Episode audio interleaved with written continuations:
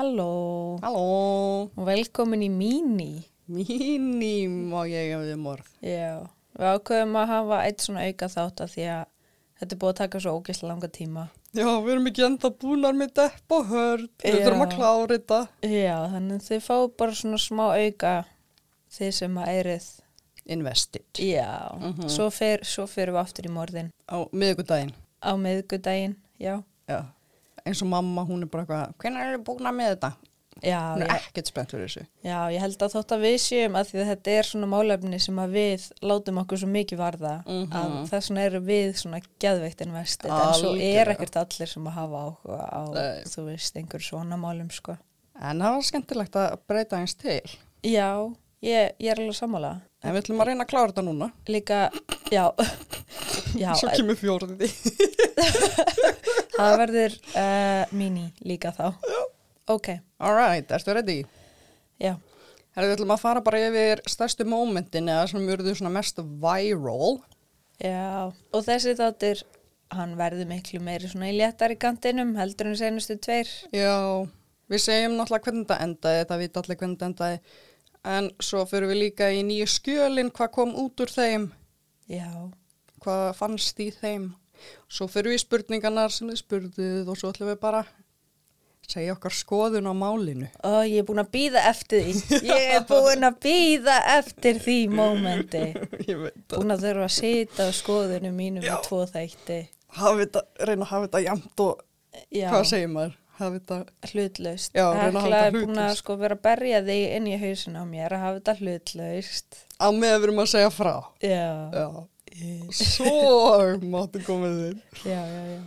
En herðu, það fyrsta var hérna, það var endalaust af myndböndum þegar þau eru að mæta fyrir utan dómshúsið og Johnny kemur hérna og gluggarnir á bílnum hans eru niðri og hann að veifa á aðdándu sínum og þeir að gefa hann eitthvað kort og blóm og allir að öskra og klappa á fagnunum en þegar Amber kemur er búið á hana og öskrað ógæðslegum hlutum að henni.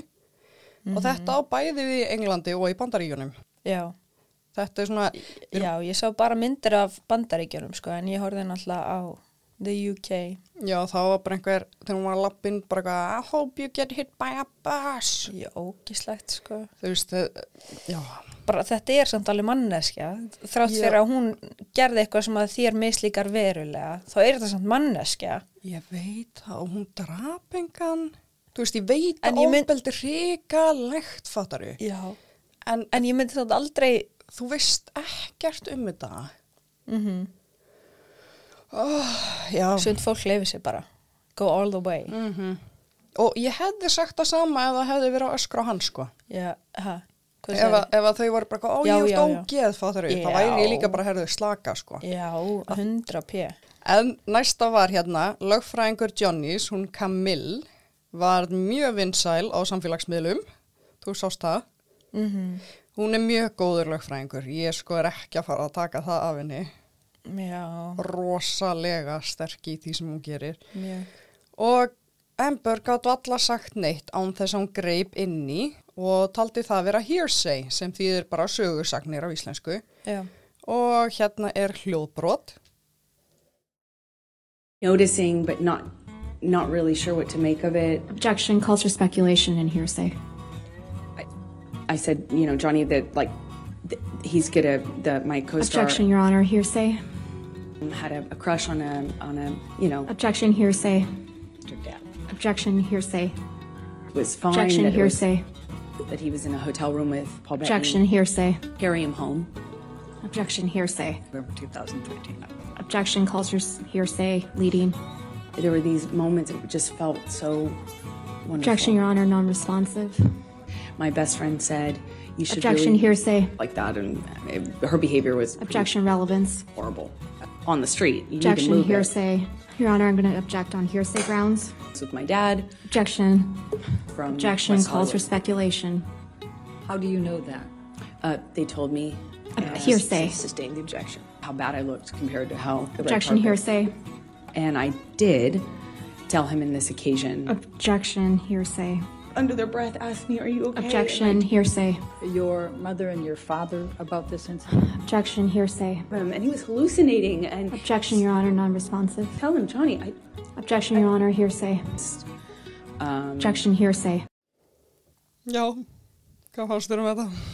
Já, ég hérna, þetta var rosa mikið af þessu sko. Já, Ég las um, frá þeim báðum og það var alltaf að koma upp hjá henni bara objection hearsay mhm, en meðan hann fekk svona að tala meira já. án þess að vera trublaðir.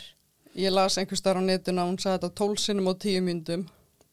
Gæti vel verið Já, að því að hún var alltaf Mhm. að og sérstaklega þegar komu sögur þar sem að þau þurftu að ræða samskipti milli sín og einhvers annars mhm, þá var rosalega mikið bara hearsay, hearsay, hearsay. Mhm, og mannst ekki myndina, þá var alltaf verið að tala um að það hefði verið látið líta út eitthvað en- eins og hann hefði ekki rödd af því þau voru alltaf að mótmæla. Mhm. en mér finnst hún mótmæla miklu oftar sko. eða, og eða hans lið það var ekki alltaf bara hérna Camille. Það var Ja. líka þarna hinn. Það var líka svolítið gott hérna á þyri hjá þér sem þú sagðir í gær eða fyrir að dag að þau voru örgulega að reyna líka svolítið að skemma flæðið hennar. já, pottet, Já, 100 p það, það var svolítið góð punktur hjá þér sko. Ég, ég hugsaði ekkert út í þetta. nei, þetta er hérna í OJ málinu. Mm þá var hliðunars OJ alltaf að gera þetta. Til þess að akkurat trubla flæðið. Og það var talað um það eftir á sko að þeir gera þetta bara til þess að trubla flæðið og líka fá eins mikið út úr uh, rekordinu og þau geta. Já, að því að og stundum segja þau bara objection, hearsay, non-responsive eitthvað leading, þú veist, bara svona segja eitthvað til þess að fá þetta strikað út af uh, the record já, já. það var bara svona mínum pælingar. Já, þetta er góð pæling. yeah, thank you. Herðu, svo kom fyrir einu svona að lögfrængurinn hennar Amber spurði spurningu og, og sagði objection hearsay þegar hann spurði sjálfur Nei, spurninguna já, oh my god og það fór sem eldur um netið. Já, það var svo mikið, var þetta hann, var þetta ekki hún, alveg, Nei, var þetta kallinn? Þetta var kallinn, sko. Hann, hann var flottur, God. sko. Ég, ég, ég fílaði hann miklu meira heldur en hérna, hann, aðal hennar, sko Já, við Elaine. skulum ekki ræða hana. Nei, Hún, kannski eftir að því, ég Já. hef my thoughts on her já, En, já, þú veist, sko, þetta er fyndið, þetta er mjög fyndið. En hérna, elsku kallinn, hann bara þreytur. hann hefur bara, já, veist, þetta er bara þreita Hann á náttúrulega að segja bara, no, strike that, byrja mm upp á nýtt. En hann hefur þá, já, bara eitthvað, farið í eitthvað brainfart og bara eitthvað, objection here, say, nei, býtu. En eins og ég var að, já, veist, eins og ég var að segja þér um daginn, ég man ekki hvenar það var, að þá fór ég í búð og hérna í vinnbúð og ég var að kaupa mér fyrir teiti sem við vorum að fara í. Já, og ég hérna var ekki með skilrikja, það var eitthvað dott út úr símanum mínum og hann var eitthvað, þú veist, afgreiðslan var búin sko, en hann var bara eitthvað, já þetta er alltaf þetta gerist við alla og það er allir lendi í þessu og var eitthvað að útskýra það og ég eitthvað þegar hann er búin þá segir ég bara ok, sömuleiðis. Og hann eitthvað, já takk. Uh, og ég lappa bara í burtu bara eitthvað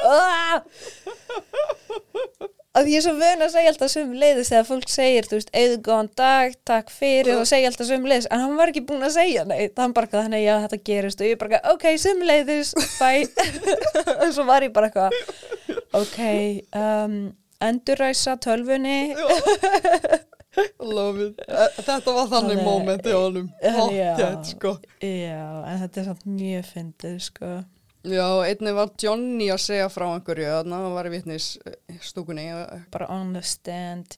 og hann var að segja frá einhverju, ég man ekki hverju og hann sagði sjálfur frá einhverju sem hann hafi sagt eitthvað og þá segir hann That's hearsay I guess, I'm learning Já, og þá fór allir að hlægi eitthvað. Já, hann var voða, hann var rosalega charming Já. í þessum réttarhöldum. Alltaf voða mikið brós og stutt í hláturinn hjá honum, sko. Ég held að hafi verið hann að reyna að vera sjarmirandi við fólkið, skilur, reyna að vinna þeim á sitt band. Já, algjörlega. Herriði, það var líka stórt móment þegar vídjóð af honum ráðast á eldúskápana komi upp. Og það var ennþá stærra uh, þegar lögfræðingur Ambers spurði hvort hann hefði held sér upp á megapint of red wine. Já, og hann, Johnny flissar hann. já, hann bara eitthvað megapint. Já, gerir grína þessu og segir eitthvað, ég heldur mig bara upp á stórt rauvinsglas.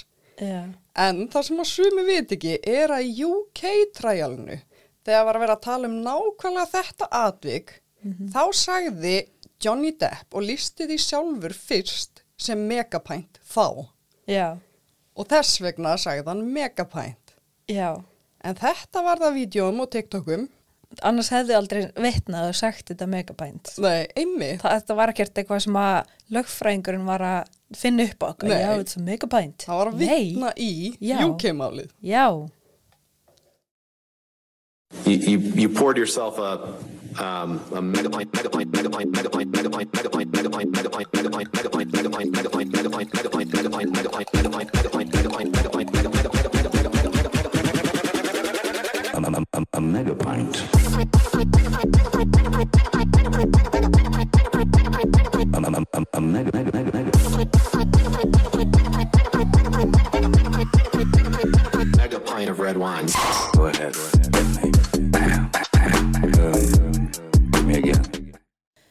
ok, ég var ekki að búast við að þú myndir setja þetta, eitthvað svona af útgáfi. Þetta var allt bara svona. Þetta var bara, það var bara allir að gera grína þessu og tala um þetta að gera TikToks og memes.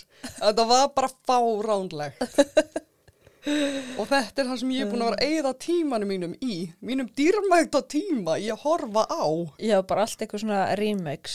Líka, Stúpid remix. ég tók líka eftir því þegar ég var að skoða málið að það var alltaf verið að taka eitthvað svona og remixa og klippa og, og til að búa til eitthvað svona content. Eitthvað svona, sem, svona catching eitthvað. Ég, Já. Í staðin fyrir að setja bara geðveikt hrátt eitthvað sem að ég setja bara myndbandið og svo kannski segir fólk skoðun sín í endan eða eitthvað. Þetta bara trilltist internetið Ég veit það. að einhverju svona djóki. Og allir með clickbaits, bara eitthvað þykjast vera með nýjastu fréttin og svo er þetta bara einhver YouTuber, bara eitthvað, fuck you Amber turd. Og bara eitthvað? Þú veist, þetta var bara svona vídeo á YouTube, sko. Ángrís. Herði, það var eitt vittni sem stal hjörtum á horfenda og það var hann Alejandro Romero sem sér um afgreisluna í austur Kólumbíu byggingarinnar sem þau byggu í miðbæ Los Angeles. Depp átti þar fimm þak íbúðir og bjóð með hörd þar í þrjú ár. Hann var sem sagt eitthvað svona security hana og hann var í videokolli að svara spurningum í bílnum sínum og hann fekk sér gos að drekka og meðan hann var að vera að tala við hann. Svo var hann að veipa og, og svo var hann bara lagður á stað og að keirandi í lok vitnisburðar. Rosalega heimilislegu. Já. Bara eins og að sé að feistum að vinn sem og þú veist hann nefndi nú valla að svara spurningunum. Þau fengu ekkert út úr henni basically. Þú veist hann sagði að það er allir með sín vandamál og ég nenni ekki að standa í þessu hann bara gæti að máli búið að valda mér nógu miklum kvíða. Æi, elsku Alejandro. Já, og svo var hann bara eitthvað keirandi. Og þú veist, hann var með þess að þreyttur á þeim báðum, hann var með hvorugum á hlið, það var svolítið skemmtilegt, hann var bara af hverju þurftu þau að vera að byggja mig um hann og þú veist, eitthvað hérna.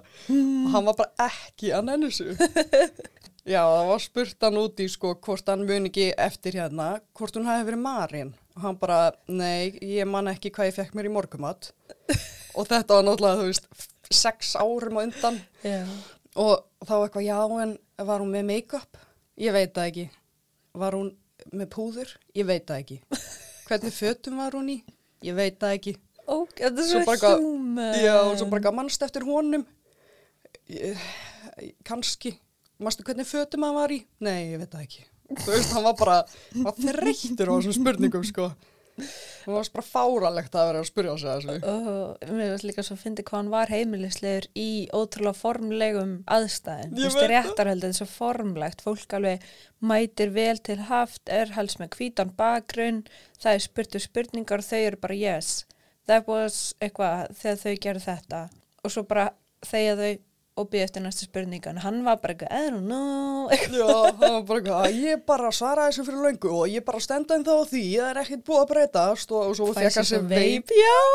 kom og svona skí út um nefið og Johnny með svo fyrir að hlæja alla, þú veist, ég, er náttúrulega, þetta var ógeðslega fyndið. Það, þú veist, maður, bara, he- maður hefur ekki neinn önnu viðbrun nema bara að fara að hlæja. Já, veist, hann ég var líka bara svo human. Ég veit það. Æ, Hann var svona mest bara, hann var my fave out of the whole trial. Aha, Bara uppbólsmanniska mín sem kom, sko. aha, mér fannst það vera hérna Spiegel og hingæn. Já, Ég vil elska ég hann var. Herði, svo var öryggisvörður hérna Johnnys sem að bar vitni og það var verið að tala um þau voru í Ástralíu og hann er að mæta á staðin og heyrir öskur og rifrildi inni og þá spyr lögfræðingur hérna hennar Amber hvort að Johnny hafi verið með tippið sitt úti og væri að pissa á ganginum og öryggisverðunum bregður svolítið við þessa spurningu áður en hann svarar No, I think I would remember if I'd seen Mr. Depp's penis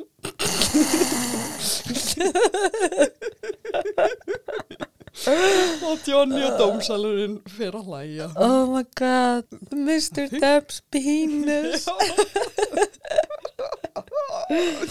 oh shit, ég var ekki búin að sjá þetta sko. Já, þetta er mjög gott Uh, einnig kom vídeo Amber og James Franco saman í liftu og leiðin upp í þakk íbúðina hennar og Depp.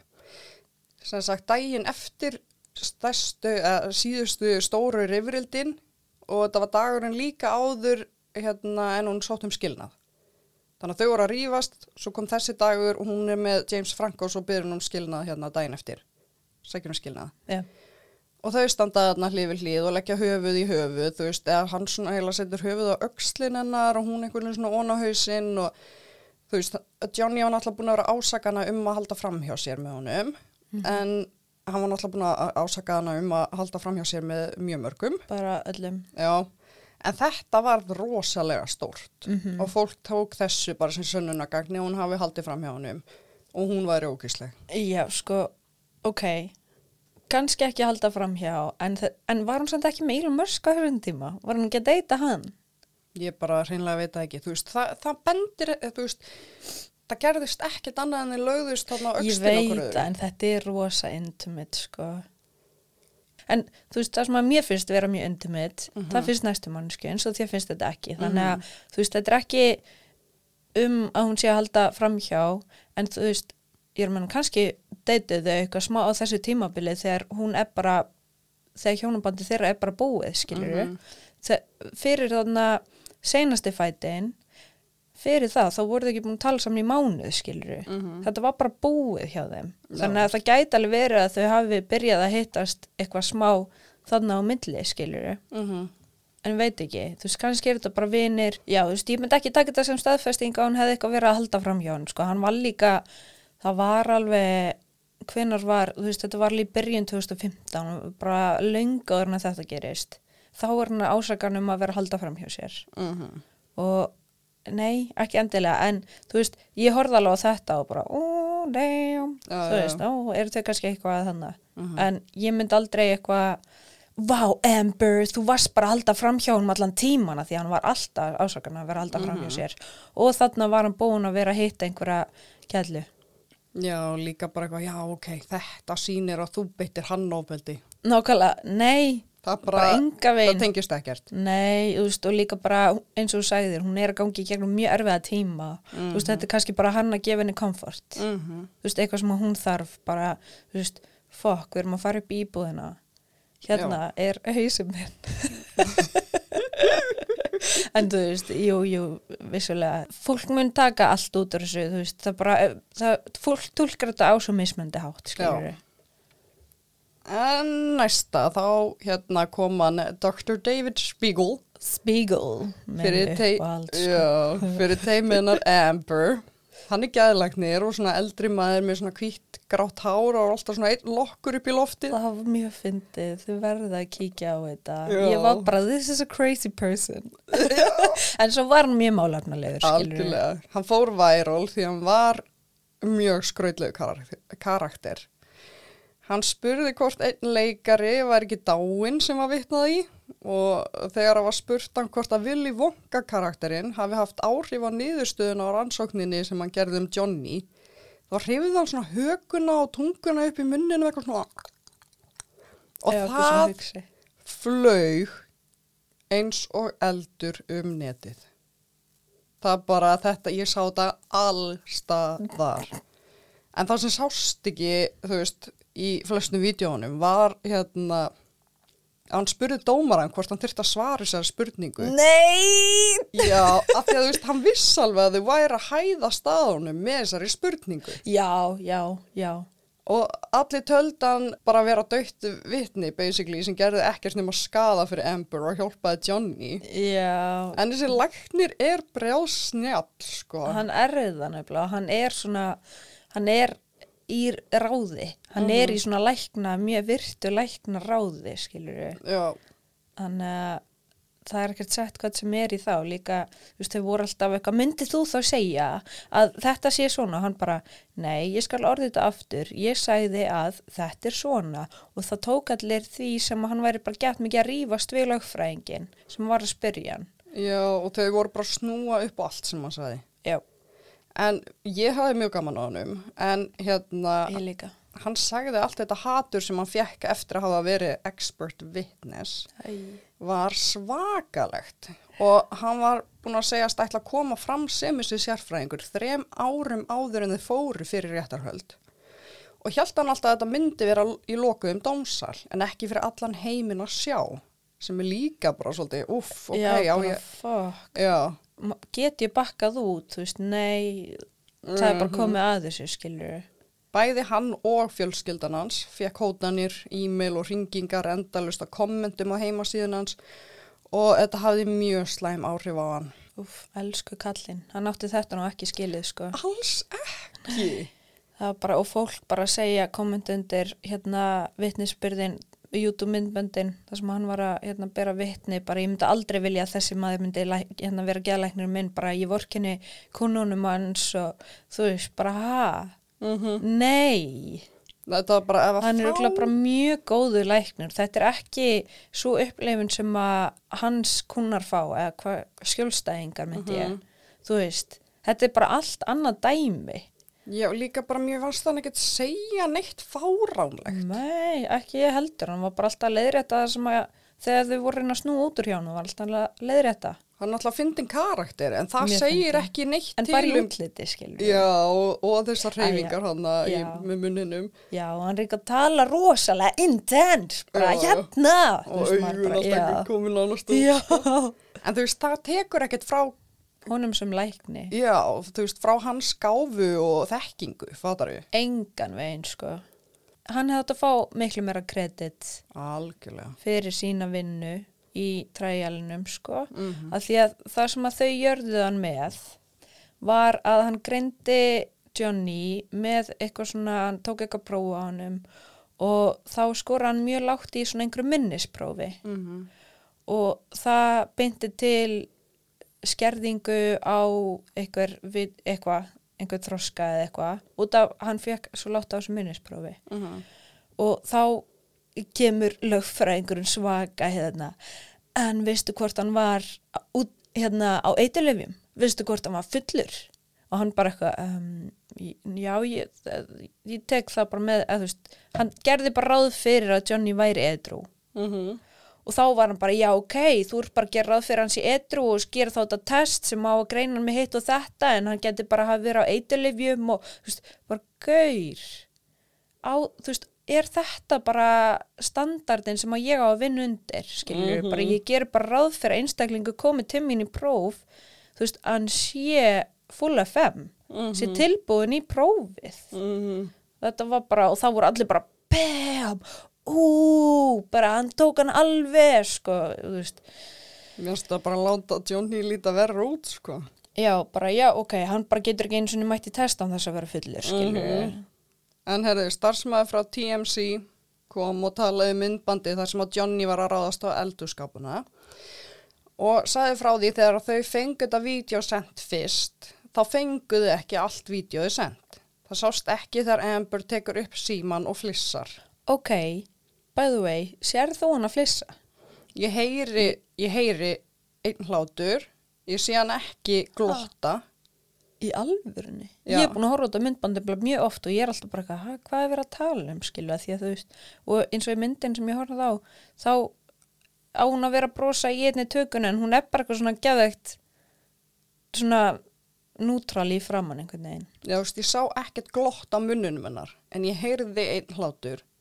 Sama tíma hugsaði ég bara, það er mjög algengt að þú ert búin að vera lengi í ofbeldi sambandi að þú verður svo tilfinningalöys skagvart þessu. Já, án gríns. Já, þú veist, bara þegar það búið að beita þig ofbeldi þá er þið bara orðið það eiginlega bara alveg sama um sjálfa þig. Þú ert ekki orðin lengur hrætt, ég er ekki að segja þetta í öllum tilvikum, en þetta er oft, þú ert ekki eins og hrætt við næsta högg, þú ert bara já, já, fucking lemdi mig og þú veist, þér er alveg sama og þú ert bara orðin svo dofin að þú ert ekki hrætt lengur og líka bara, þú veist, hrætt um lífið þitt.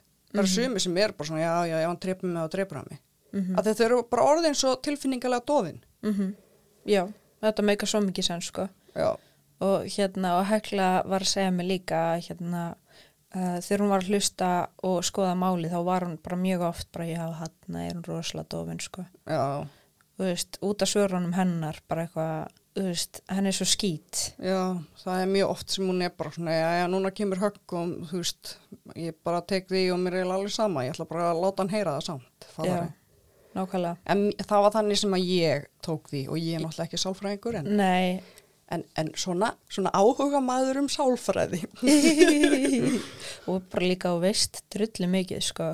Þú veist ég var bara hafði aldrei pælt í þessu svo var ég bara já wow Já, ég elska spá.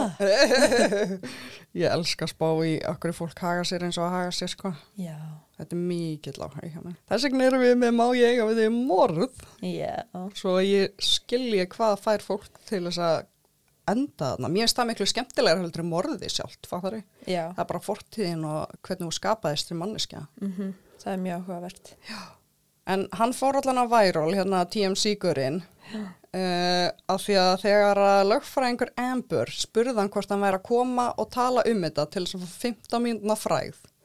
Þá neitaði hann því og sagði hann fengi ekkert út úr þessu og þetta gæti mér þess að haft áhrif á starfið hans. En svo segir hann, ég gæti sagt það sama um að taka Amber Heard sem skjólstæðing fyrir þig. Og þetta fór út um allt og það sást líka í fólk á bakvið í kortrúminu. já. Allir opna munnin og... já. Ég sá þetta sko. Þetta var eiginlega pínu svona sleggja. Já, þetta var gott svar, sko. bara nákvæmlega. Og svo segir hún eitthvað that's a little argumentative, don't you think? Eitthvað. Hann bara, nei, alls ekki. já, já, þú veist, ég er bara svona Elaine. Já, hún heitir varst- Elaine by the way. Já, ég er bara Elaine, shut the fuck up. Já, þú varst að koma með skot á hann og hann skaut tilbaka. nákvæmlega. Uh, en, en svo er þessi gæði með YouTube channel. Og hann gaf út myndband bara eitthvað what's life been a year after the trial? eitthvað. Þannig að hann var að skapa sér fucking platform út á þessu þú veist. Hann er Já, hann var náttúrulega viral En- út af þessu. já en fucking Elaine sko ekki segja þetta við vitni hvað hvað er þetta að meina Já. hún var svo, hún var að vera argumentative Algjörlega. hún var að móðga hann ekki gera lítið úr manneski sem að gefa sér tíma til að mæta Mhm. þrátt fyrir að þetta sé þeirra megin mm -hmm. hún takaði sundur og saman sögunar þeirra og pota hólur og eitthvað en þú veist, að ég veit ekki, svo er þetta samt partur af en mér fannst hvernig hún gerði þetta ekki gott sko, Já, þetta var ekki smekklegt. 15 minutes of fame sko, Mm. Þetta var bara skot. hún bara lengdi þetta í hálftími of fame sko Já. Hörðu, svo var Amber að segja frá rifrildum já, og segja frá deginum eftir á og hún er alltaf með spes andlit svipi þegar hún er að segja frá. já, við höfum nú rætt það Já, en hún segir frá því að hundurinn hennar stegi á bíflugu og, grætti sig eitthvað eftir það. Og þetta fór út um allt og var það TikTokum, mýmum og remixum.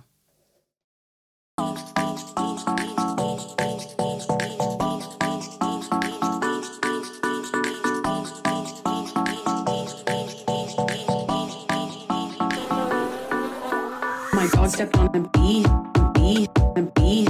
My god, stepped on the beat, bee, the bee, bee. My god, stepped on the beat, bee, the beat. My god, step on the beat, a bee, a bee. My god, stepped on the beat, bee, the bee. My god, stepped on the beat.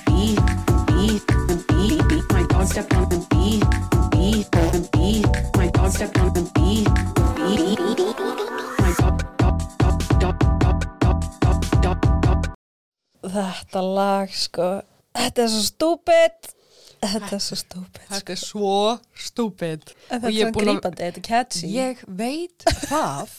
Ég var allan daginn í gær. Ef ég satt einn og var að prjóna, þá bara, my dog slept on a bee, a bee, a bee. Og mamma var bara, hvað er þetta að segja? Er alveg fáralegt, sko. Já, því að hún tvitsa eitthvað svona, gerði skrítin svip. Já, og það bara, Já, ég, ég er svona skil alveg ógeðslega vel. Þú veist, hún er bara, og sko hundurinn hennar er teacup Yorkie og hann heitir Ógeðslega Boo. fallegur, já Boo. Og hún er bara hún þurfti að vara með þetta í læknis og eitthvað því að þetta var ekki eftir mikið mál. Og hún er bara svona, það sést að hún, veist, hún er bara að fá flashback, skilur bara, oh, þú veist, oh, þetta moment. Þú veist, þetta er litla badnið hennar. Já. Ég myndi líka bara eitthvað, ef, ef að hundur minn myndi lendi í einhver svona, þú veist, ég myndi alveg vel lengi eftir að vera bara eitthvað, þegar ég var rifið þetta upp, skilur. my boo.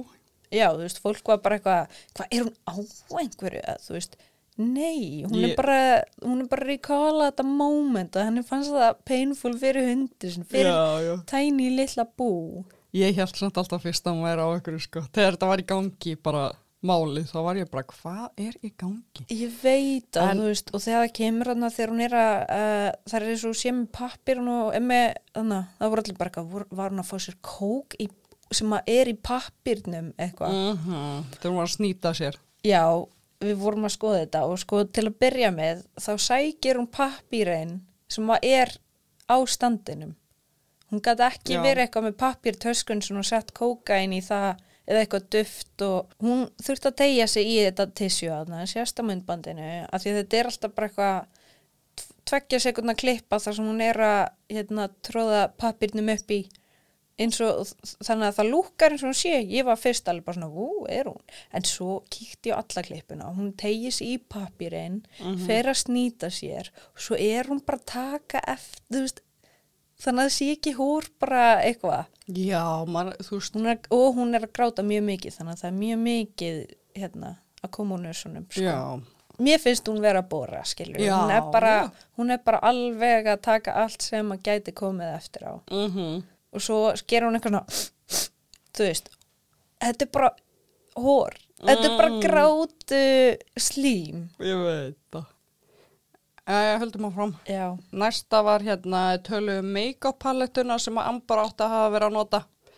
Hún var frá Milani, en Milani gerði TikTok sem að byrtu að þessi paletta sem hún sagðist hafa verið að nota hafi ekki verið gefin út fyrir 2017 og það er eftir að þau skildu. og Elaine kom alveg bara lögfræðingur, hún bara þetta palettan, alveg bara gæðugt dramatíst moment, bara þetta er palettan sem að hún notaði og svona liftin upp fyrir alla til að sjá ég bara, oh my god En Milani endaði á að taka TikTokið út en það náttúrulega lifir enn að því að það er alveg fólk búið að taka það upp. já, En Amber segir að hún var að tala um að það veri alveg eins palletta með sömu fjóru litunum en hún meinti ekki að það var nákvæmlega þessi frá þessu fyrirtæki. Já, þú veist, þetta var eitt hlutur sem mér, fjekk mér til að vera bara svona, oh damn, þú veist. Þetta er eitthvað iffi, sko. Mm en já, þú veist, það er alveg valið skilur að hún hefur notað svona color card, en ég bara svona ah, af hverju voru þar að hafa með, þetta með inn í? Þær fengu make-up artistan til að fokki Já. mæta og bera vitni fyrir hana. Þú veist af hverju þurfti að þetta var svo mikið hugsunarleysi auðvitað er hægt að taka þetta allt sundur og saman eins og hann sagði hennar kallinn, hann bara, þú veist, þetta mun breytast í einhver sópa ápru -hmm. Þannig að þarna, mér fannst þær bara hafa verið að gefa tækifæri á sig, sko. Algjörlega. En stærsta mómentið var samt öruglega þegar það var talað um að Amber hafi skitið í rúmið hans Johnnys. Það fór eins og eldur um netheiminn. Hún segir að þetta hafi verið hundarnir sem skitið í rúmið. Já, bú. Já, hundurinn, meina ég. En hann er alveg ósamalega því. Bara, nei, Já. þetta var allt og stórt. A human fecal matter. Já, En þú veist, ef þið sjáum mynda þessu þá, þú veist, það er, Þetta lítur út eins og hundaskítur sko. Þetta lítur náttúrulega út eins og stór kúkur þegar þetta er bara mynd upp við kúkin en ef þú sér stóru myndina þar sem að sérst kottin á bakvið og gítarinn þá sérðu hvað þetta er lítið þetta er bara af því að þetta er bara þetta sjónarhótt og líka þú sér bara mynd á kúknum þá sérðu ekkert hvað stærð þetta er fattar ég? Já, þetta er tæni kúkur sko, þetta er gæti, ég gæti tekið hann og pakka hann ofan í lúptollana mínu sko. Þú veist. En eftir þetta var hún kölluð Amber Turd og var það mjög trending þegar hún var að lappa inn í dómshúsi á mótnana öskruði allir í kór Amber Turd, Amber Turd. Ói bara. Meðan þeir hlóu af henni og allir að taka upp á símana sína. Og eru margir sem kalla hana það ennþá í dag. sko hún kom með svar sem að ég var bara wow þú veist, hún var bara eitthvað að því að það var alltaf að tala um að þetta ætti að vera einhver svona djók þú veist, hún sæð, átti að hafa sagt til bílstjóran sem að var að keira hana að þetta hafi verið a prank on Johnny þú veist, að hafa skiti í rúmið hans. Og hérna, svo hann geti fengið einhver turd, þú veist. En þú veist, þetta var fyrir Coachella og hún sko sagði að bú litli Já. bú. Hann borðaði svona grasbangsa sem að Johnny ætti þegar hún var kvolpur og eftir það átt hún gett erfitt með að halda í sér. Þannig að oft, veist, það var oft á svona gólfinu og hún setti bú í rúmið til þess að bú myndi ekki skýta gólfið. Þannig að meðan hún var eitthvað að taka allt dótið sitt saman og, og vinkonuna var þarna með henni. Var ekki vinur hennar? ég las heila bók Já. nánast. Þannig að sum details eru kannski ekki alveg að þetta gæti hafa verið strákur en hérna hún talar um að það meðan þau voru að græja sér fyrir Coachella þá sett hún bú upp í rúm svo að bú myndi ekki skýta á gólfið. Og svo kemur hún tilbaka og þú veist þau voru tvöðaðna skilur þau kemur tilbaka, sækir bú og eitthvað. Og bú hefur þá kúkað í rúmið áður en að þau fóru svo er mál með það að þetta var íbúðunar Amber. Þetta var ekki, þau voru ekki að gista saman á þessum tíma, skilur þú veist, þetta var bara íbúðun sem hún fór alltaf í þegar þau voru rífast, þá var hún þarna, Johnny var einhver starf annar staðar. Og hún var bara eitthvað, ég var ekkert í neinu pranking mood, þú veist, ég var ekki í stöðu til að vera með einhvern svona prank, þú veist, lífið mitt er bara dett í sundur og mér finnst þetta bara ógislegt, ég myndi aldrei pranka hann svona. Þú veist, þetta er þú veist, bara eitthvað skýta í rúmið hans en samt er þetta rúmið mitt sem að ég er að fara að á eftir og Ef að vinkona mín myndi segja ég ætla að skýta í rúmið hans þótt að hann væri að beita hana ofbeldi og eitthvað og hún myndi byrja að gera það um sig og skotta upp í rúmi þá myndi ég samt vera bara hvað í fokkanum ert að Já. gera?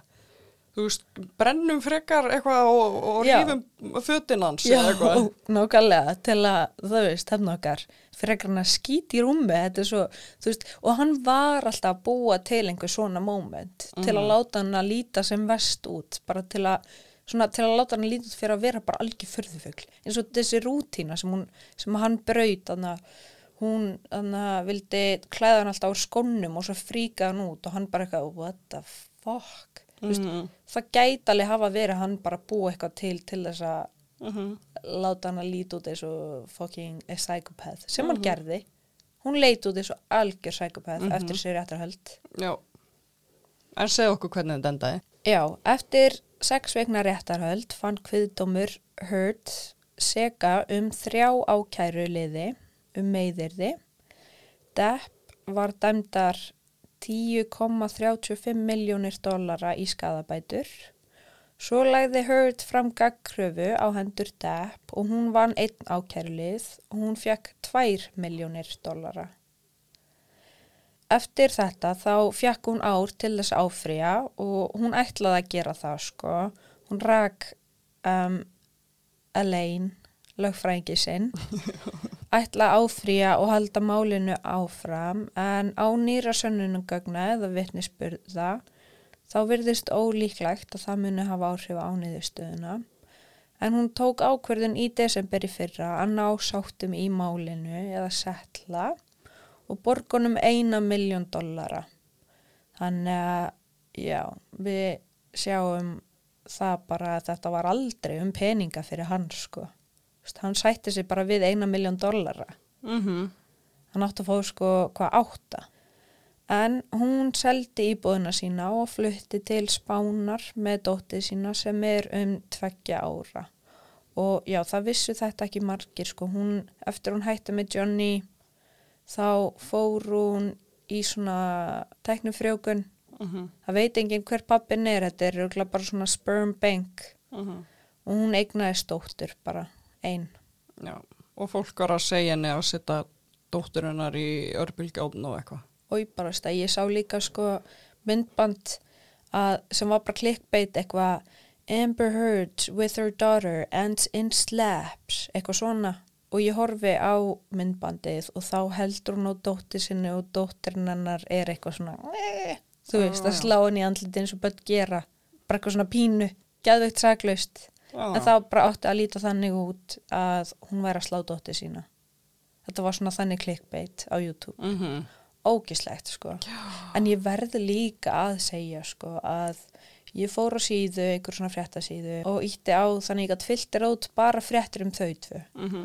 Og þetta var svo mikið bara Amber Heard er með dóttir sinni Amber Heard er bara þú veist hérna heima Amber Heard er að leika í mynd svo bara hvað Johnny fer þangað að djama Johnny fer þangað að djama Johnny er ennþá að djama þú veist, og Og- maður bara sér bara hvernig lífið þau núna þegar þau eru komin í sundur þá geta þau lifa lífinu sem þau vilja lifa hennar líf er bara rosalega rólegt bara hún er að leika og hún er heima með dóttur sinni hann er ennþá að djama Og já, og einhverju tónleika á ferðalagi.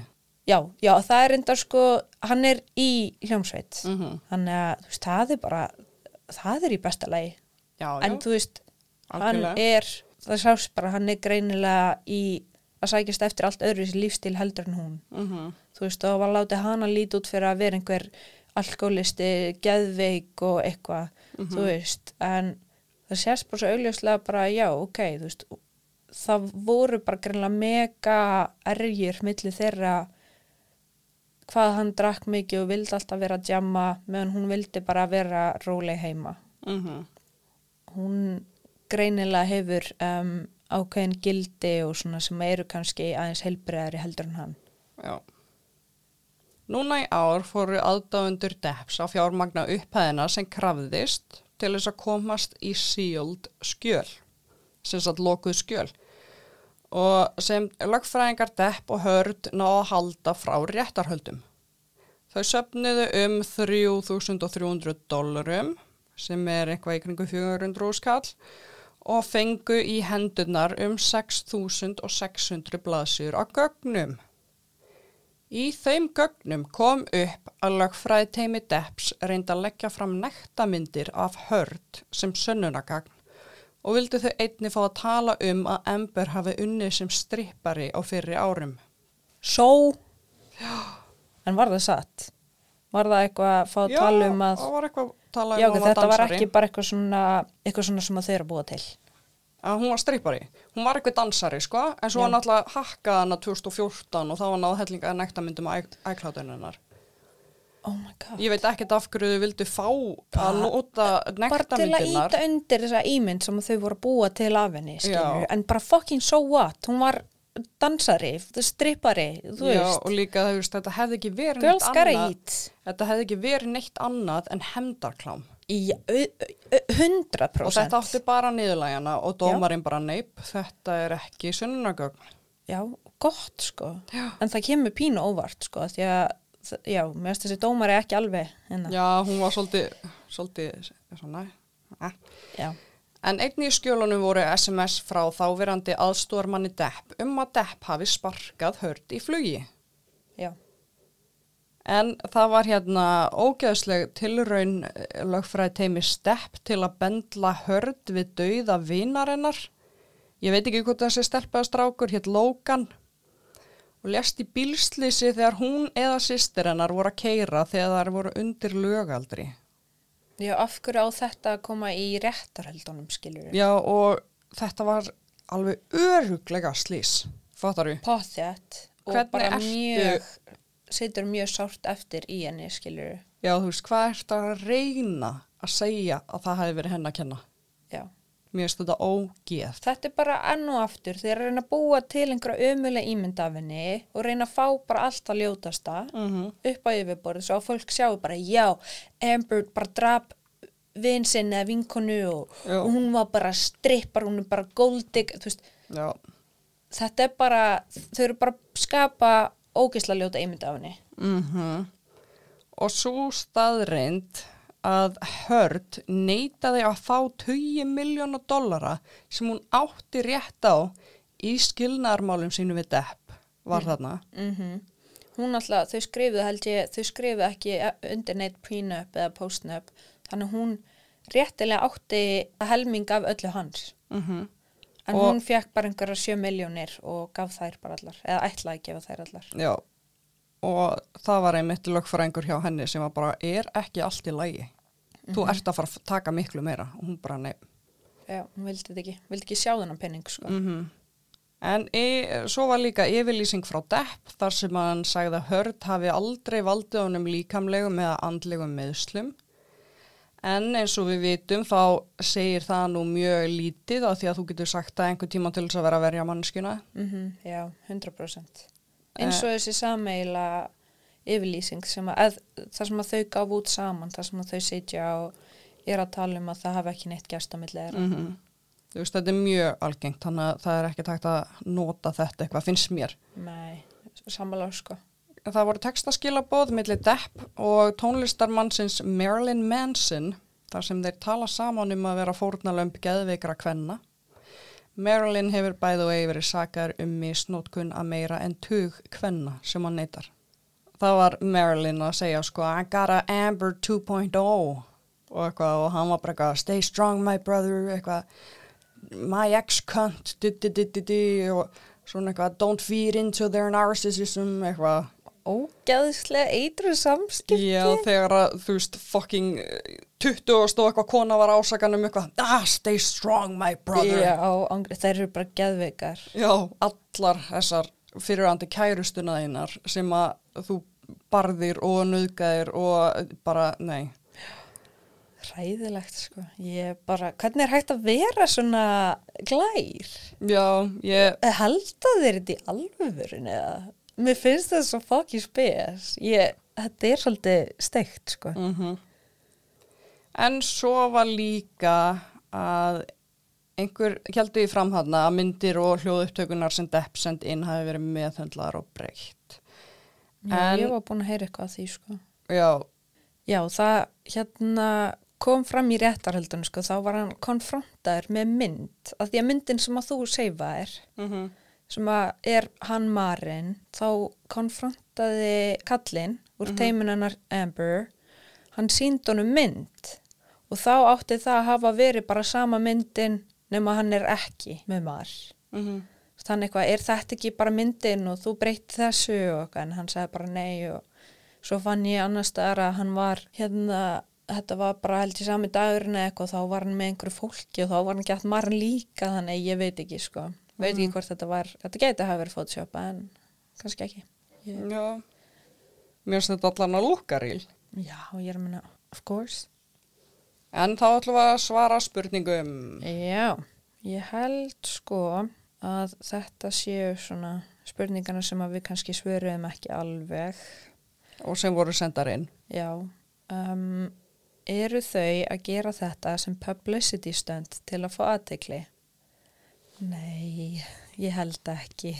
Nei, ég held alls Nei. ekki. Já, þetta bara þau komum svo ógeðslega illa út úr þessu bæði að þú veist, ég myndi aldrei sama hversu illa allt væri komið fyrir hjá mér og í mínum feril og myndi ég aldrei fara þangað, þú veist, það er bara bara, nei þetta kom svo illa út fyrir þau, sko. Og þau bara bæði eru eiginlega bara semi-cancelled og búið að reyka þau út úr Hollywood, sko. Mm Góð pæling samt. Já, Herðu, af hverju voru réttarhöldin opinber og livestreamuð fyrir almenning? Að því að það má. það er alveg bara stuttasvarið. En það er í lögum að þau megi alltaf byggja um að réttarhöld séu opinber fyrir fjölmjölum og almenning. Þeir sem eru með þessu segja að þetta sé tól til að fræða almenning en svo eru aðrir á móti þessu. En það má alltaf byggja um það og svo þarf bara að raukraða fyrir réttarhöldin hvort það megja eða ekki.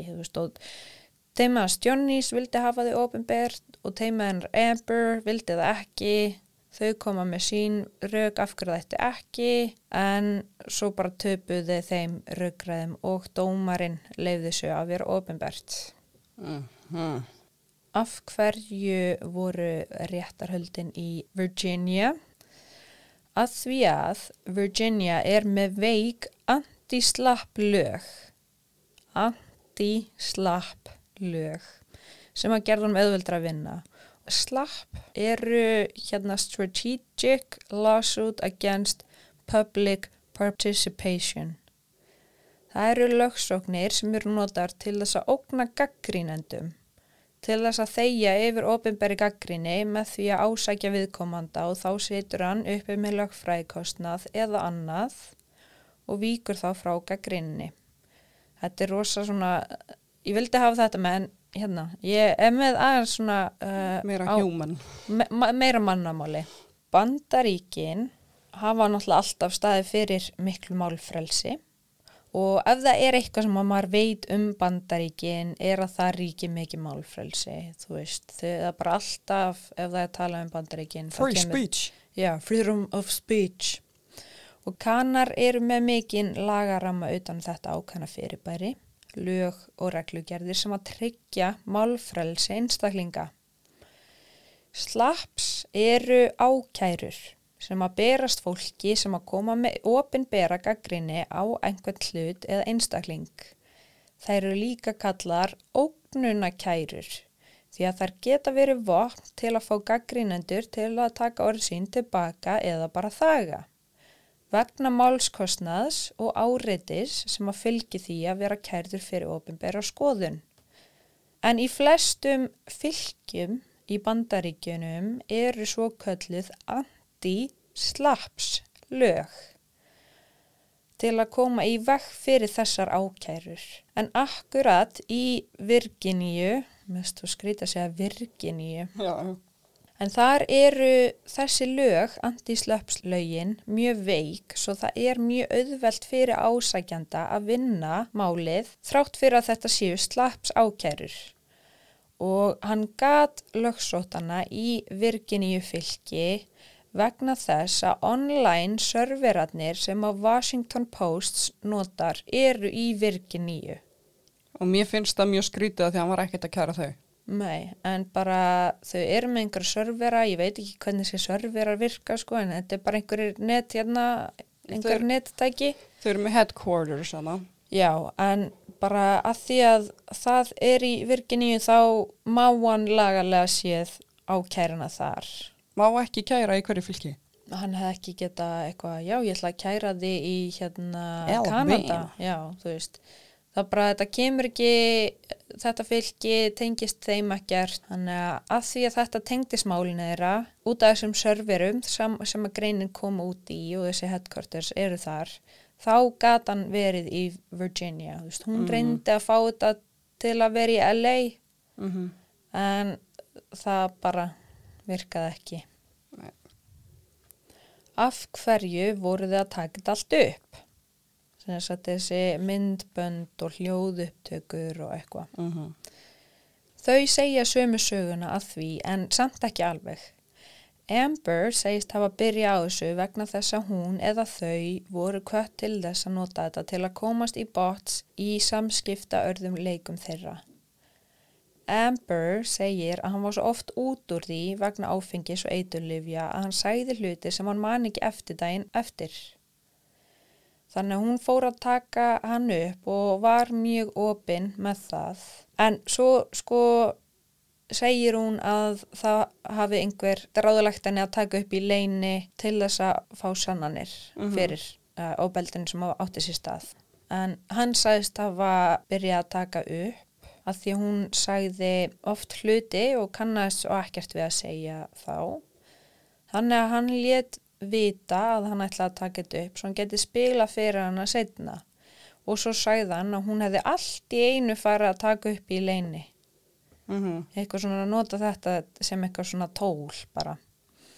Hann var mjög, hérna, hún fannst það mjög leiðilegt sko, sagði það í vittnisspyrnum en til að taka þetta saman þá var þetta ráð til þess að gefa þeim tól til að komast til bots í samskiptar örðuleikum þeirra Svo var sagt að Amber var að taka upp í leini til að hafa sannanir á hlutum sem voru eiga sér stað í sambandinu.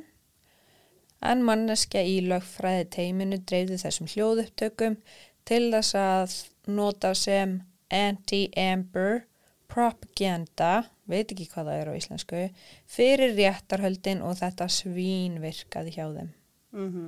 Hérna, það var einhver sem bendi á það að allar upptökunar af Amber Vera Abusive eru eftir 2015. Þar sem að er bara í raun í lóksambandsins en hún var að taka upp mun fyrr heldur en það sem að svona stiður það að þetta hafi verið reactive abuse eða hún er bara að Svara óbeldi með óbeldi. Já, þannig að en það er ekki búið að staðfesta, þú veist, ég, við höfum ekki náðu að staðfesta dagsendingarnar á þessu en ég er að menna ef að það er satt þá bara, vá, sko. Já, þetta er góða punktur sko en svo náttúrulega kannski byrja hann ekkert að taka upp fyrr og þetta hefði geta verið í gangi og þú veist það er allt þetta. Já, já, já. Hvernig stendur á því að hann hafi aldrei beitt ofbeldi áður en hann fór að beita Amber ofbeldi? Eða það er kannski verið að spyrja þá öruglega bara hvað gengur á, þú veist, er hún ekki bara að ljúa ef að hann hefur aldrei beitt neitt annan ofbeldi? Já, það hérna er, það þarf ekki að vera staðan að hann hafi aldrei beitt uh, manneski ofbeldi áður en hann byrjaði með Amber. Það var náttúrulega konan, Ellen, sem að kom fram og sagði hvernig hann hefði verið, hann hefði kastað flösku í hana og hefði verið mjög stjórnsamur og ágengur.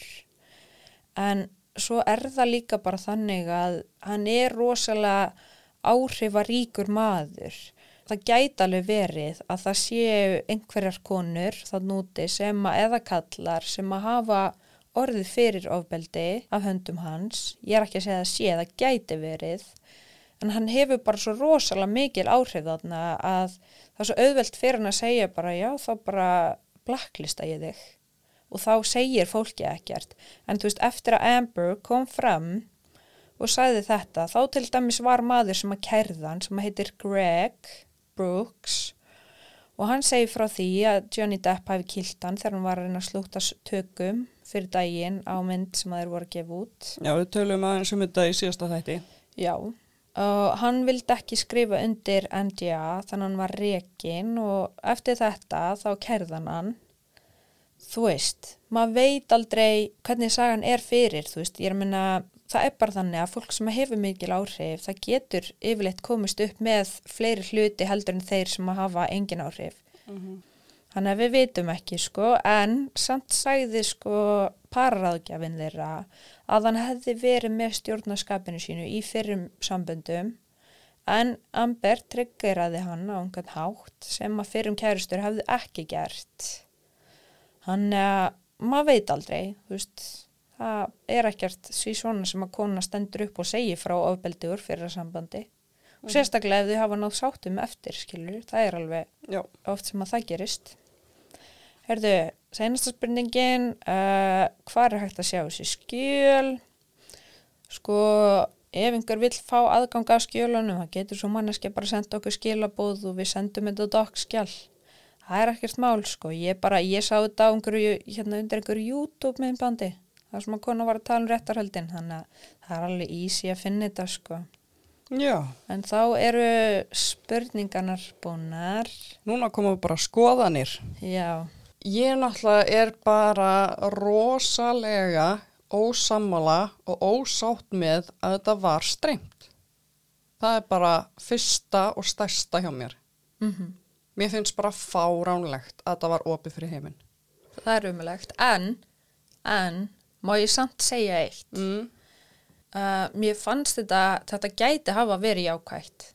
Af því að núna þegar þetta er aðeins búið að setjast niður og það er orðið svona kyrt í þessu, þá er rosalega margir, einhvern veginn ég hef tekið eftir því að það er rosalega margir sem eru búin að vera að fara yfir gögnin, skoða myndböndin, þú veist eins og við, og fatta þá bara já, þetta er það sem að vera í gangi.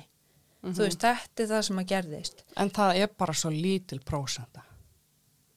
Já, en Þú veist, jú, jú, Þetta er- er jákvætt, en en þetta er bara ár eftir á, pældi í næstu tíu ár það eru margir sem að munu skoða þetta og sjá þetta og fara yfir þetta og það verða að gera myndir um þetta og þetta er svo svakalega skrítið fyrirbæri. Þú veist, að því hún var með svo ótrúlega marga sannanir samt tapa hún. Þetta voru stórmerkileg rétturhöld Já, vonandi endar þetta í einhverju mjög positív en eins og er í dag þá er ég rosa ósátt með að þetta var ofinbært. Já, þú veist, 100% sammála, þetta var náttúrulega bara hérna, hvað kalla ég þetta, Já, frá þeim, þú veist, en ég náttúrulega, ég stend ennþá með Amber. Ég trúi því að hún var mikið fórnalamb heimilisofbeldi svo byrja að svara fyrir sig með ofbeldi. Þetta er bara mín skoðun. Um, já, en ég meina, sko, það er samt En- ekkert sem sannar að hann byrja að beita hann ofbeldi á undan honum. Á undan henni, á undan henni. Það er ekki hægt að sanna hver byrjaði, hver var að pota. Með eins að ráðgjafinn sagði að hún var oftast að reyna að byrja yfirildi og allt það. En ég virkilega trúi því að hún var að svara ofbeldi með ofbeldi og mér finnst mjög sárt að eitthvað feminista félaga að núti senda á hana bref og sagði henn að skamma sín fyrir allar hína konuðnar sem hefa lent í einhverju. hræðilegt, sko. En þú veist, auðvitað þarf að taka allt þetta fárlega sem, þú veist, inn í sem gerðist að hún skeita á rúmið þarna eitthvað og bíflugan og gamli kallinn og make-up palettan og hvernig andlitsbriðin voru og eitthvað, þú veist, og þá skilji af hverju fólk er stendur með honum þegar það er ekki búið að fræða sig meira Mm og veit ekki það mikið. Já. En, já, ég Já, bara... ég, ég sko, Ég, þau, þau beittu samt bæði hvort annað ofbeldi.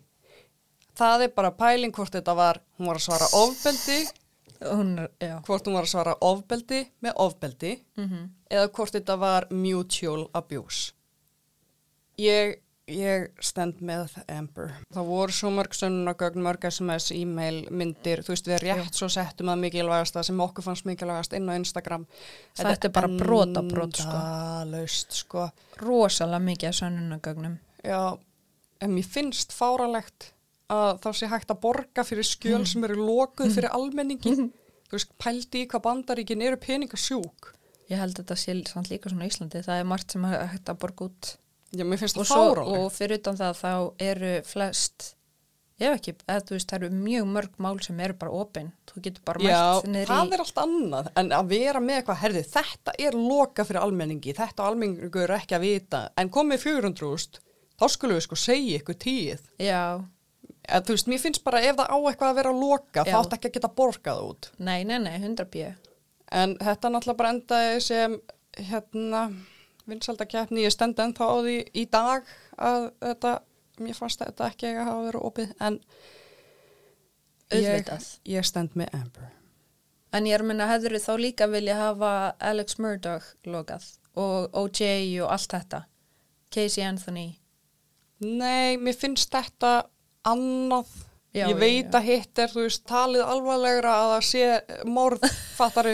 já, en mér finnst þetta bara á Af milli að- þeirra. já og bara að því þetta fór á þann stað sem þetta fór Já, að því að þetta var bara svona humiliation campaign hjá liðunar steps já. Ok, ég er búið með mitt. ok, En ég óska samt honum depp ekkert neins íls. Nei, ég vil ekki að hann hérna verði fyrir bíl eða eitthvað, Nei, bara vonandi nær hann að verða, þú veist, bara þróskast eitthvað af þessu og bara verður flottu maður og stendur sig vel í lífinu og gerir gott. Ég vona það bara. Mér finnst það rosa ólíklegt, sko, að því að hann bara, hann vann þetta og var rosa ánæður og okkar.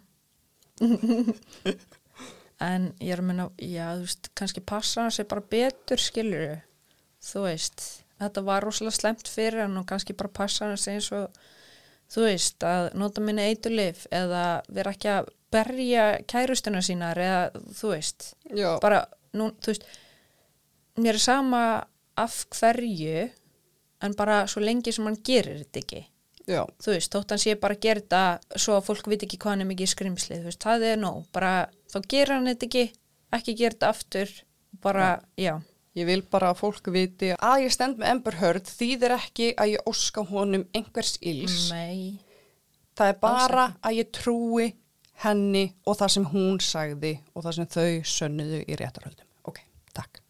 Þú. Ok. ok, ég ætla þá bara að byrja bara á það sem að mér finnst. Sko, mér fannst þau alveg hafa sannað að hún væri bara að, hérna, með reactive abuse, Já. að hann hefði byrjað, og ég var ekki á þeirri skoðun áður en ég fór að skoða þetta betur, sko. Þú veist, ég var bara, ok, þetta er bara 100% þau bæði ógeðslega við hvort annað og bara þetta er þeim báðum að kenna. Bara það var svo ógeðslega mikið af sönnunagögnum og það var svo ógeðslega mikið af fólki sem kom í réttarhöldin og sagði bara já, þú veist, og þau náðu að sanna minnstur. Þau náðu að sanna þetta hægðunarminnstu hjá honum. Endalust að myndum þar sem hann hafði brotu og bramlað, öll þessi skilabóð, bara Johnny gerði þetta, Johnny var að gera þetta, þú veist, það var, það kom ekkert neitt svona um, um hana. Það var málað ákveðina mynd af Amber í réttarhöldunum sem að ég held að sé bara ógeðslega fölsk og þegar maður horfir milli línuna þá sér maður bara já, hún bara elskaði kærasta sinn, hún var alltaf reyna að hjálpa honum, þú veist, svo fekk hún bara ógeð, hún fór að svara fyrir sig, hún fór að slá tilbaka. En hún fekk satt alltaf miklu verra, veist, hún var alltaf bara miklu verð heldur en hann. Og eins og hérna I hate you, þú veist, hún segir í réttarhöldunum bara ég var bara að reyna að slá hann í burt skilur, bara reyna, þú veist, ég var bara að slá í hendunar bara svo hann myndi ekki koma inn í herbergið. Af því að hann alltaf bara, þú veist, hann var bara gangi skrokka á henni, þú veist, hann var að berja hana lú berja hana, þú veist hann er miklu sterkar en hún, hún sagði það bara sama hversu mikið ég reyndi, þá var hann alltaf tíu sem sterkari, þú veist, og hún þurfti að loka sér inn í herbergi hann reyndi að koma inn í herbergið og þá var hún bara sláðan tilbaka, skilur, eða þú veist, fattaru bara slá frá sér, bara ekki koma inn. Þú veist, ég ætla að vera hérna, bara ég er komin í safe zone. Þannig að ég held 100% að hún hafi bara verið beitt ofbeldi og fór svo að svara fyrir sig. Og hún bara hefði átt að fá að tala um þetta opet þetta er náttúrulega snýrs bara um þess einu blaði síðu mér, hef, mér finnst hún hefði átt að fá að segja þetta. Hún á að hafa frelsi til að tala um ofbeldi og lífa eftir ofbeldi. Þannig að þrátt fyrir að hún hafi farið að slá hann og eitthvað tilbaka og hafi sagt ljóta hluti við hann, þú veist núna er ég að fara að koma mjög kannski lélagt dæmi en ég er að minna að það er krakki kannski, og þetta er ímyndaði krakki. Þú veist, ef að það kra krakki minn sem er ekki til, færi í skólan og það væri alltaf verið að bara í klassu í skólanum, þú veist, auðvitað myndi ég vilja að krakkin myndi koma og segja frá og bara svo við getum unni úr sem aðstæðum. En ég myndi, all, þú veist, ég myndi bara ekki ef að krakkin myndi fokkin svara fyrir sig, ef að krakkin myndi berja þess að búlja tilbaka ég myndi ekki, þú veist, bara heyrðu núna, þú ert bara partur á vandamálinu, nei. Þú veist, ég bara, ég gæti ekki bleima þann þannig, það er svolítið mín skoðun á þessu. En svo var svona hitt og þetta í kringum uh, réttarhöldin og mér fannst að lögfræðiteimið hennar var ekki á par við hans og þess vegna tapa hún þessum þrem ákjæruliðum en vann bara einn. Ef hún hefði verið með sama teimuðu sönn þá hefði hann verið jarðaður. Þetta var svaka kjalla sem að vera í UK-málinu sko. Hún var bara, wow. Plús það, ef að þetta hefði verið sama teimi, þú veist, hefði hann lagt í þetta aftur. Það er spurning sko. Uh, Kjallan sem að, anna, Elaine, sem að var representana, þetta er röglega fínasta kona, rosalega fín kona, en mér fannst hún bara ekki alveg vera með á nótunum, þú veist, þetta er ekki, Að skýta.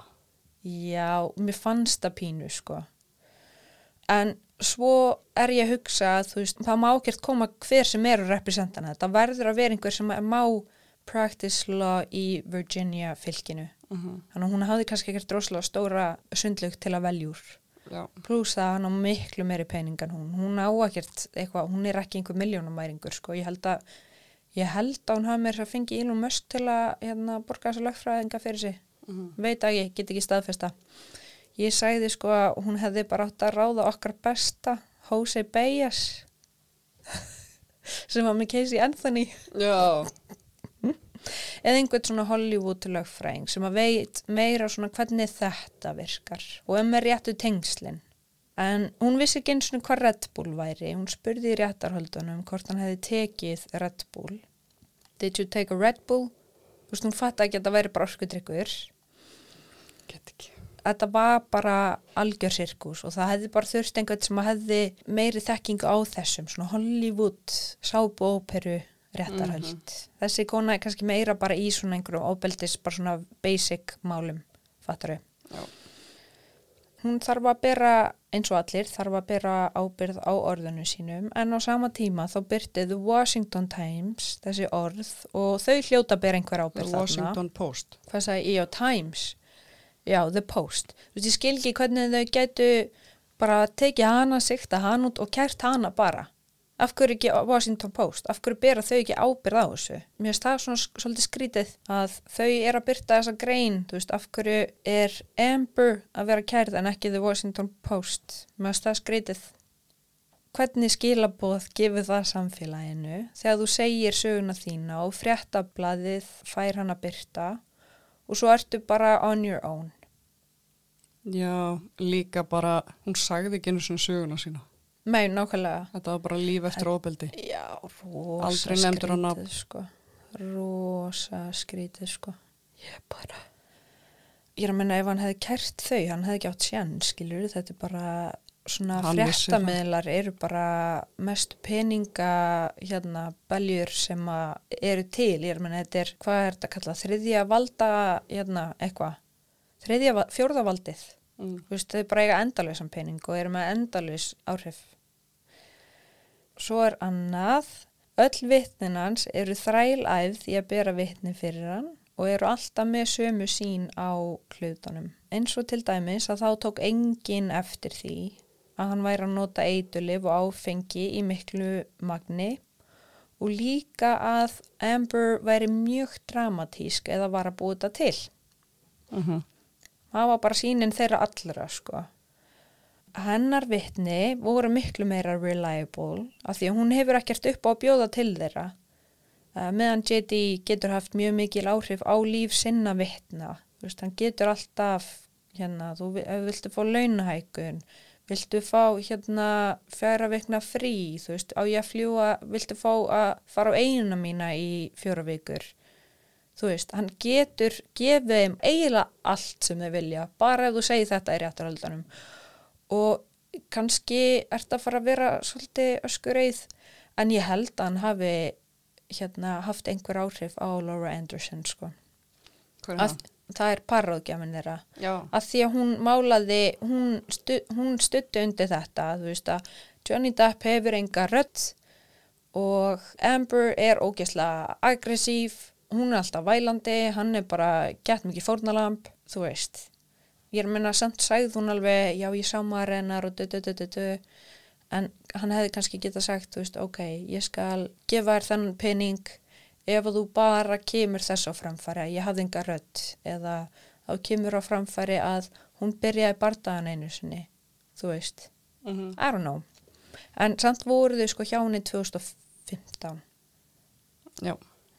já, flestir sem að báru vitni fyrir hann voru starfsfólk sem hann var með í vinnu hann, já, þetta er bara rosa mikið, ég bara var rosalega mikið að spá í vitnunum sko. Mér fannst það bara rosalega já, var mikið að segja sko, þú veist, Bruce Whitkin vinnur hans kom, hennar megin. Þau þekkjast ekkert en samt er hann skilur að bera vitnum og hann hafi verið að nota kókain og hafi verið bara með engar jæsmenn og svona. Þannig að ég held að hún hafi bara verið með miklu meira reliable vitni heldur en hann. Já. já, Og hvað finnst þér um þetta allt saman? Hvar stendur þú? ég stend með henni bara rosa mikið, þú veist mér langar sem ég að vera með bás svona convince me svona þess að var alltaf svona mím Já, já. Já, þú veist, ég er alveg 100% þar að hún hafi orðið bara fyrir hrottalegum hlutum og hann þurfti bara að bjarga ferilnum sínum að því að hann fó bara sem í vaskin hann á þessu tímabili en bara hann var hann svo erfiður að hann var sem í blacklisted og þú veist, ég er ekki eitthvað, oi Johnny Depp, oi barasta mm -hmm. hann er líka bara sín eigin manneskja sem að ásýna sögu sem að hefur mótaðan í þetta. Þú veist, hann kom af óbeldisfullu heimili, mammans var hrottaleg. Svo hérna þú veist, er hann kannski bara með sínum konum sem að eru bara rólegar og bara er ekki að tryggja hann svo kemur Amber og hún er líka þannig að þú veist, ég held þetta hafi líka verið bara rosalega toxic blanda, skilur Já, þú veist, þau komu úr svo rosalega mikið sikkur um áttunum. Já, hann vildi alltaf fara, hún vildi alltaf koma. Þú veist, þau vildu hvorugt gefast upp á þessu. Mhm, og þetta er bara ógeðslega sorgleg saga fyrir þau bæði, skilur bara ég myndi aldrei vilja þrátt fyrir að þau áttu allan peningi heima og gáttu gert bara allt sem þau vildu. Bara ef að fara til Tókíu hérna á fimmtudaginn og fara svo á Bahamas hérna eftir helgina. Þú veist, þá myndi ég aldrei vilja skipta um uh, líf við þau að því að þetta er bara svo ógæðislega sorglegt, svo sorgleg saga. Þetta er það. og ég bara, ég vona að eins og ég segi, að hann gerir betur og mér er alveg sama þrátt fyrir að þú veist, hvort sem það sé að hann vil vera be- betri manneski að vill ekki aftur landa í þessu. Þú veist, bara svo lengi sem að hann gerir þetta ekki aftur og veist, og vonandi passar hún sér líka, veist, að ef hún sér einhver hægðunarmynstur þá bara já, shit. Þetta hérna gerði ég með Johnny, ég vil ekki vera svona aftur, eða eitthvað, fattur þau mér finnst bara að þau dróðu út að vesta í hver öðru og þetta endaði þarna. Þau vildu hvorugt um, bakka niður. Og ég er rosalega ánægð þú veist, ég er rosalega ánægð með hann og það, það var alltaf verið að skýta út á hérna Me Too hreyfinguna bara hún er alltaf að reyna að bendla sér við Me Too. En þetta var á undan þeirri hreyfingu. Og ég þól ekki þegar fólk er að draga lítið úr Me Too af því að þetta er bara alveg vandamál. Já, þá finnst mér umulagt að hérna, og ég gerði það alveg, þú veist, ég var bara eitthvað, já, hún var bara að tala hérna, hún var bara að tala fyrir hend þessar reyfingar, þú veist, bara hann geti alveg skert það líka, en þetta bara, þetta, ég hefði ekki geta verið meira wrong og hún var ekki að reyna að tengja sig við þetta eitthvað, hún var bara að koma út og segja sína sögu og það var líka bara út af því að hann var að segja eitthvað, þú veist, við fólk og hann var að sverta Dragan. mann orðið hennar. var að draga hana aftur í þetta þannig að hún bara, ok, hérna er saga mín Mm Og hún sagði hann ekki eins og nefndi hann ekki á nafn og hún tapaði málinu. Já.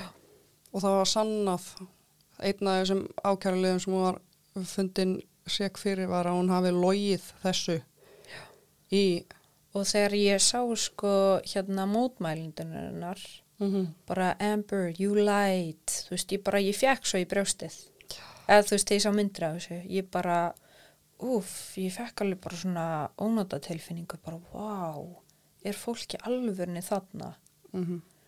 þú veist, hún er bara þetta, en það, þú veist, hann er bara ekki trúa því að þetta er áhrifaríkum aður Þannig að, já, þetta er not so mini, mini episode, lengsti þátturinn. en ég er með þá kíkir fólk bara á þetta sem hefur áhuga, en ég já. sleppa því bara. já, já.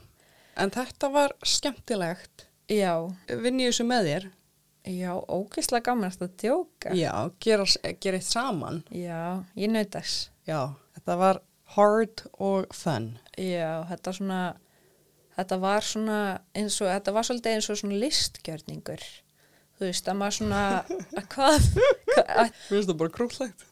að því að þetta speglaði svo samfélagið, þú veist, þetta var bara svona holding a mirror to society, bara svona svona horfiði á ofbeldi. Þetta var henni að kenna, ekki honum, hún er að ljúa, eitthvað svona. Þú veist, maður sér svo augljóslega hvernig viðhorfið til fórnalampa ofbeldis er, sem er crazy. Já, ég vendi þetta hér. Já, gerum það. Ok, Ok, bye. bye.